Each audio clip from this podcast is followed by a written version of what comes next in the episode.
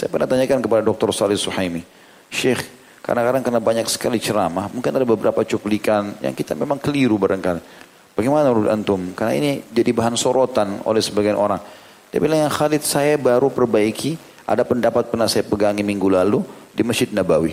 Tidak ada yang aib. Si fulan melakukan itu, si fulan melakukan itu dan para ulama salah melakukan itu.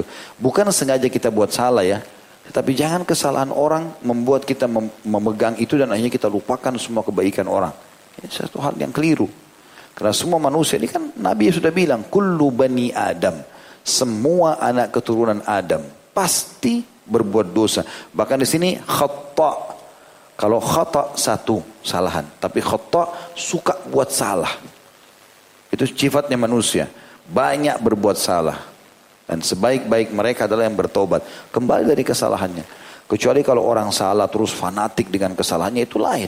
Itu pasti jelek gitu kan. Tidak baik sama sekali. Yang terakhir. tentu juga hadis ini jangan difahami teman-teman. Oh berarti kita kan anak Adam banyak buat salah. Sudah buat salah aja. Bukan itu. Artinya pasti terlintas di dalam hidup kita ada kesalahan. Kita semua tahu kesalahan kita masa lalu misalnya. Yang penting bagi seorang mukmin sekarang ke depan. Masa lalu sudah berlalu. Baik kita bersyukur sama Allah, salah kita bertobat sama Allah. Hari ini punya kita, besok cuma kita bisa mengatur sebuah program. Maksimalkan hari ini dalam beribadah.